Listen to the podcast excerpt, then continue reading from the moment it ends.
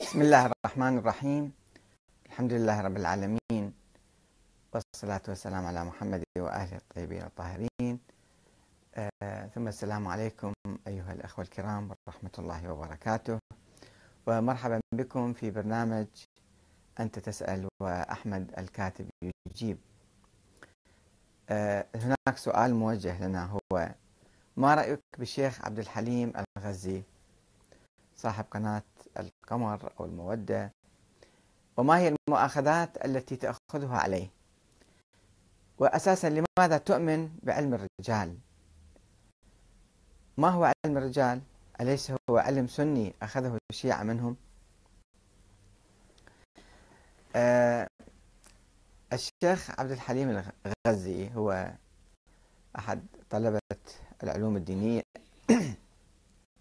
ورجل فاضل في الحقيقة ومؤدب وأخلاقه عالية جدا ويبدو صادق مع نفسه يعني هو مؤمن بما يقول.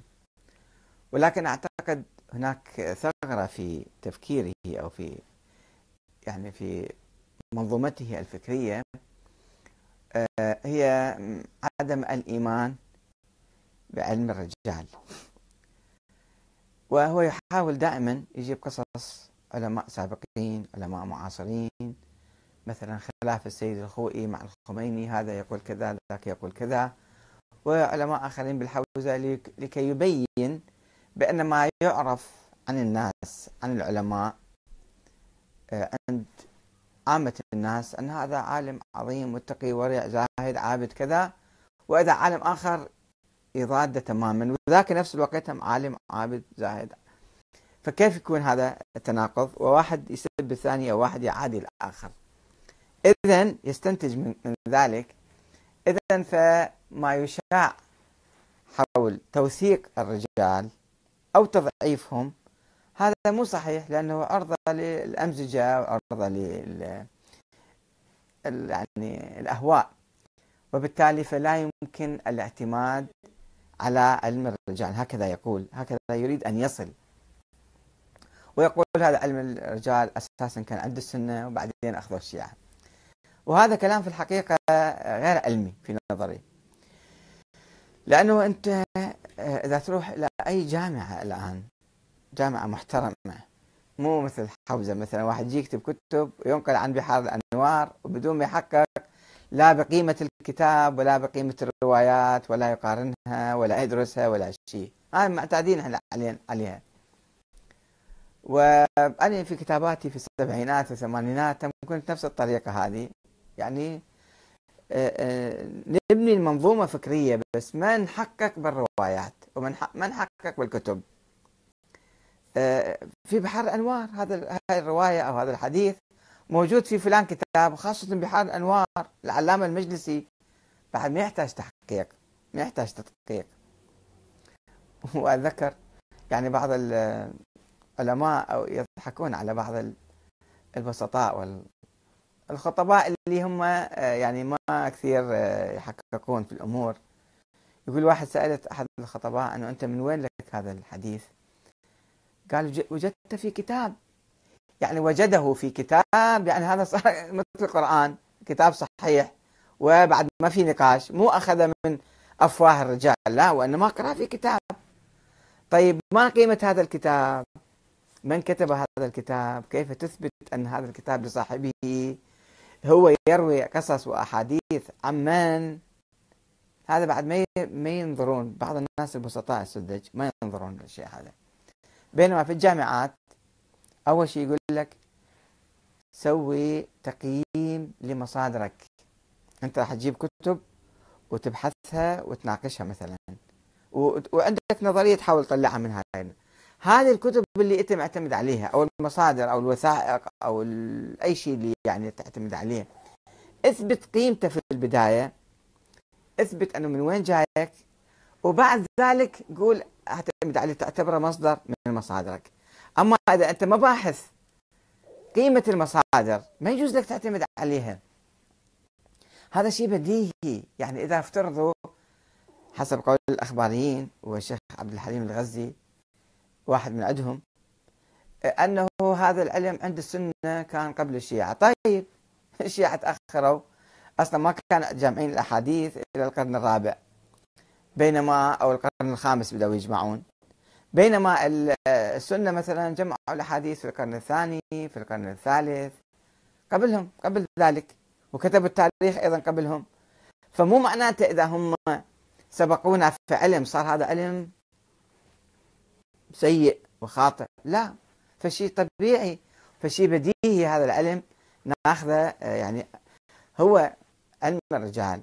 يعني دائما الشيخ عبد الحليم أنا استمعت إلى عدد من محاضراته وأتمنى في الحقيقة أشوفه وأقعد وياه ونتحاور. لما يصير هو فقط يقعد بالتلفزيون ويتكلم وأنا أقعد أيضا بالآيفون ونتحدث ونتكلم من دون ما نلتقي من دون ما نتحاور. والحوار هو يغني. هسه اعتبروا هذا حوار آه، عبر عبر الهواء يعني. أنا اقدم نصيحتي له في الحقيقة واقدم يعني رأيي وينظر فيه. لا يكون واحد تبنى رأي معين قبل 20 30 سنة مثلا ويصر عليه لا خليه يسمع الآراء الأخرى. وأنا أقول له هذا الكلام أنه علم الرجال مثلا افترض الكشي أو النجاشي أو الطوسي أو كذا العلماء اللي كتبوا صحيح هم كتبوا يعني تضعيف وتوثيق. في رجال رواة وثقوهم وهم قد يكونوا ضعاف ورجال ضعفوهم لأنه كان عندهم صراعات سياسية صراعات حزبية بين التيارات الشيعية المختلفة.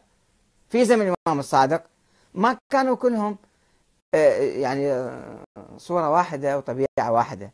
كان في أحزاب كل عالم تسمعون باسمه كان عنده جماعة وفريق وكذا وبالتالي في تنافس وفي صراع وفي تحطيم وفي تكذيب وفي نوع من وتوثيق. الآن إحنا نجي لهذا التراث كله جمع فيما يسمى بكتب الرجال علم الرجال. علم الرجال مو يعني يعني إحنا نصدق كل ما مكتوب بالكتب. هاي نقطة مهمة جدا أرجو أن الشيخ عبد الحليم الغزي يستمع لي ويتوقف عند هاي النقطة. لأن أنا استمعت كثير من فيديوهات ضد علم الرجال. وهاي النقطة يبدو آه، يعني هو ما منتبه لها.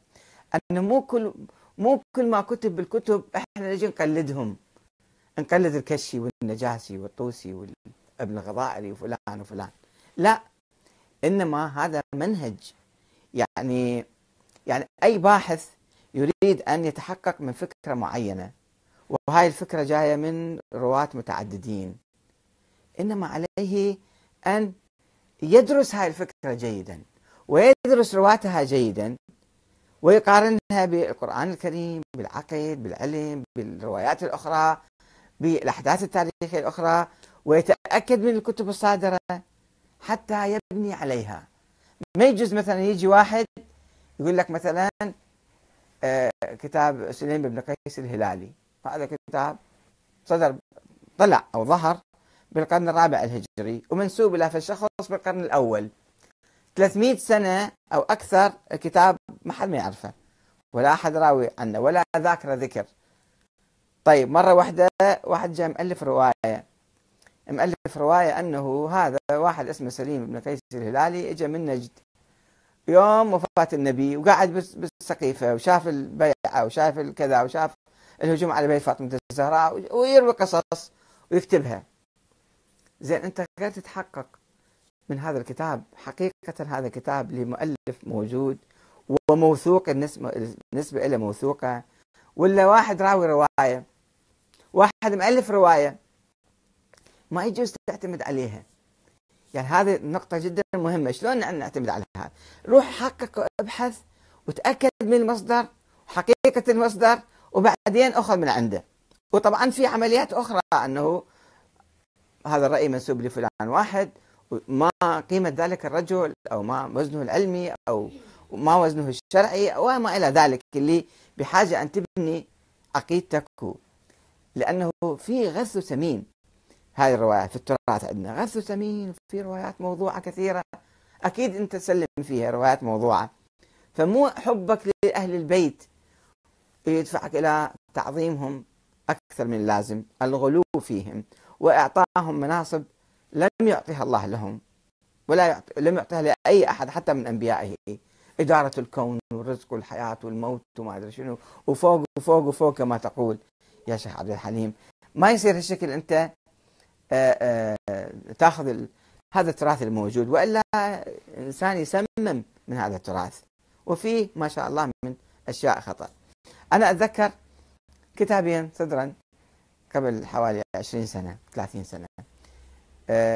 كتاب لله ثم للتأريخ منسوب لمرجع شيعي كبير اسمه حسين الموسوي ما حد يعرفه. شلون مرجع كبير وبالنجف قاعد واسمه حسين الموسوي وأحد ما يعرفه وفي كلام وفي كذا. هذا الكتاب أنا أول ما شفته وقرأته اكتشفت أنه هذا كتاب موضوع من قبل جماعة إخواننا الوهابيين. ومسوين أفكار وكذا وناسبين في الشخص على أساس هذا مرجع كبير. وده ينتقد الشيعة ويسب بعض الناس ويحكي كذا. كتاب موضوع. أدرس الكتاب شوف هذا. بس تصفح الكتاب شوية تكتشف أنه كتاب موضوع. أو كتاب آخر مذكرات مستر هنفر. ضد الوهابيين. كتاب آه، طلع بالسبعينات. أنا أول ما شفت الكتاب جلب انتباهي واخذت قرأته من أول لاخره في جلسه واحدة. ثم انتبهت إلى أهمية هذا الكتاب وفي انه واحد جاسوس بريطاني اجى وربى محمد بن عبد الوهاب وعلمه وكذا وخلاه يصير جاسوس له ويقوم بالحركة الوهابية. فكرة كلش كبيرة يعني. فمستر هنفر منو مستر هنفر؟ ما معروف منو هذا الشخص، الاسم الكامل ما موجود. زين منو مترجمة جيم حاء ميم ما أدري منو اسم مجهول. مو معقولة. وين رقم الوثيقة من وين طلعت مذكرات هنفر قبل 300 سنة مثلا؟ وين منين جبت الكتاب؟ أيضا ما مذكور. لا رقم المكتبة ولا رقم الكتاب ولا شيء. طيب منو طابع الكتاب؟ دار نشر ما موجودة. مطبعة اللي طبعت الكتاب أيضا ما موجود ذكر المطبعه فأثار انتباهي وشفت بالتالي هذا الكتاب كله يدور كأنه واحد أعرفه اللي هو كاتب هذا الكتاب. يعني كل أفكار ذاك الشخص أحد أساتذتي. و رحت قلت له أنت هذا كتاب حلو طابع على أيام جديد. قال أي كتاب؟ قلت له الكتاب الفلاني مذكرات مستر هنفر فضحك فضحك الرجال. عرفت هو أكيد يعني عندي متأكد 100% إنه فلان كاتبه. طيب أنت يعني من شو أكو ناس جايين؟ هالكتب هاي المزورة المختلقة اللي هي سيناريوهات آه، خياليه يعتبروها مصادر. قال في مذكرات هنفر موجود. عمي أدرس الكتاب أول مرة قبل ما تروي من عنده قبل ما تأخذ من عنده. ونفس الشيء في التاريخ القديم. كانوا ينسبون أشياء للأئمة. هي مو صحيحة ما موجودة ما صايرة الأئمة ما قايل ليها. أنت لو تحب أهل البيت لازم تروح تبحث وتنقي التراث مالهم وتبحث عن آرائهم الحقيقية حتى تأخذها. علم الرجال يعني علم التحقيق. يعني يصير واحد يكتب في البحث بدون تحقيق يقرأ من من الفيسبوك ومن الإنترنت ومن الويكيبيديا وما أدري وين ومن الصحف والجرايد ويجي يسوي بحث. هذا ما يصير بحث علمي. أنت إذا تكون عالم لازم أول شيء تحقق بالكتب تدرس الكتب وتدرس الروايات والرواة واحد واحد وتجتهد فيه في الرواة. يعني مثلا الخوئي عنده اعلم العلماء في علم الرجال في العصر الحديث وكاتب موسوعة كبيرة. بس مو مجتهد فيهم كلهم. أحيانا تجد يوثق واحد وهو ضعيف.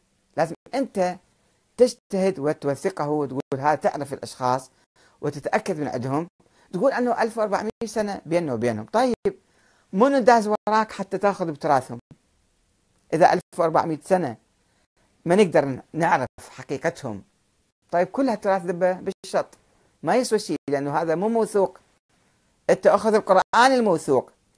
أما الأحاديث المنسوبة من رجال وكان حولهم خلاف وجدل في زمانهم وبعدهم وكتب في علم الرجال في كتب الرجال عنهم أن هؤلاء ليسوا ثقات أو هؤلاء كذا.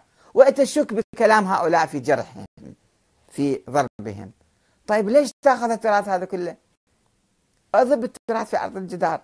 فاذا المؤاخذات اللي نأخذها على الشيخ عبد الحليم هي أنه مسألة بديهية اللي في التحقيق وتنقية التراث أنه إحنا الآن بحاجة بحاجة. الآن أمامي إحدى الأخوات الأخت إيمان عواد الرسالة على الخاص الآن أمامي تسألني أنه هذا الأحاديث أنا ما تخش بعقلي أو أحاديث مو صحيحة. امرأة جالسة في إحدى الولايات الأمريكية وما تقبل يعني من تقرأ الأحاديث والروايات تشك فيها تقول هذه أشياء مو معقولة. زين أنت كعالم وباحث ومحقق وفي الحوزة وأستاذ في الحوزة وعندك تيار وعندك جهاز وعندك إعلام شلون أنت تمشي هالخرافات والأساطير والبدع والكفريات والشركيات باسم أهل البيت؟ ما يصير يا شيخنا العزيز يا شيخ عبد الحليم. أنت يجب أن تحقق وهذا أول مراحل العلم أذهب إلى أي جامعة الآن في لندن؟ أنت جالس ما أدري وين. أذهب إلى أي جامعة؟ أقول لهم أبحث في فلان موضوع. أسوي دراسة علمية. شوف شنو يقولوا لك. يقبلون من عندك الكلام؟ ناس محايدين. لا مع ولا ضد. بس يقولوا لك اثبت لي هالأشياء. اثبت لي هالولاية التكوينية وفوق التكوينية. شنو عندك بعد؟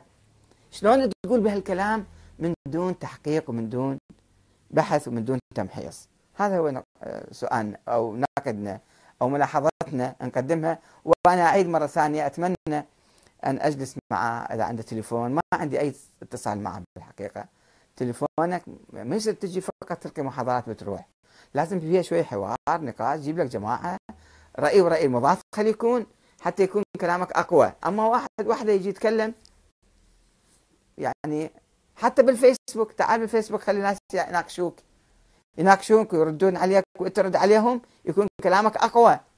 كما نفعل نحن في الفيسبوك. كل الاراء نجيبها الآراء المضادة أيضا نجيبها. حتى نصل إلى الحقيقة وهدفنا الحقيقة. معرفة دين الله تعالى. اللي تحت صاير تحت ركام هائل من الأحاديث المزورة والموضوعة والكاذبة والخرافات والأساطير. حتى الله يهدينا شوي نستفيد من الدين ما يكون ننظر من وراءه. والسلام عليكم ورحمة الله وبركاته وإلى موضوع آخر إن شاء الله بعد قليل.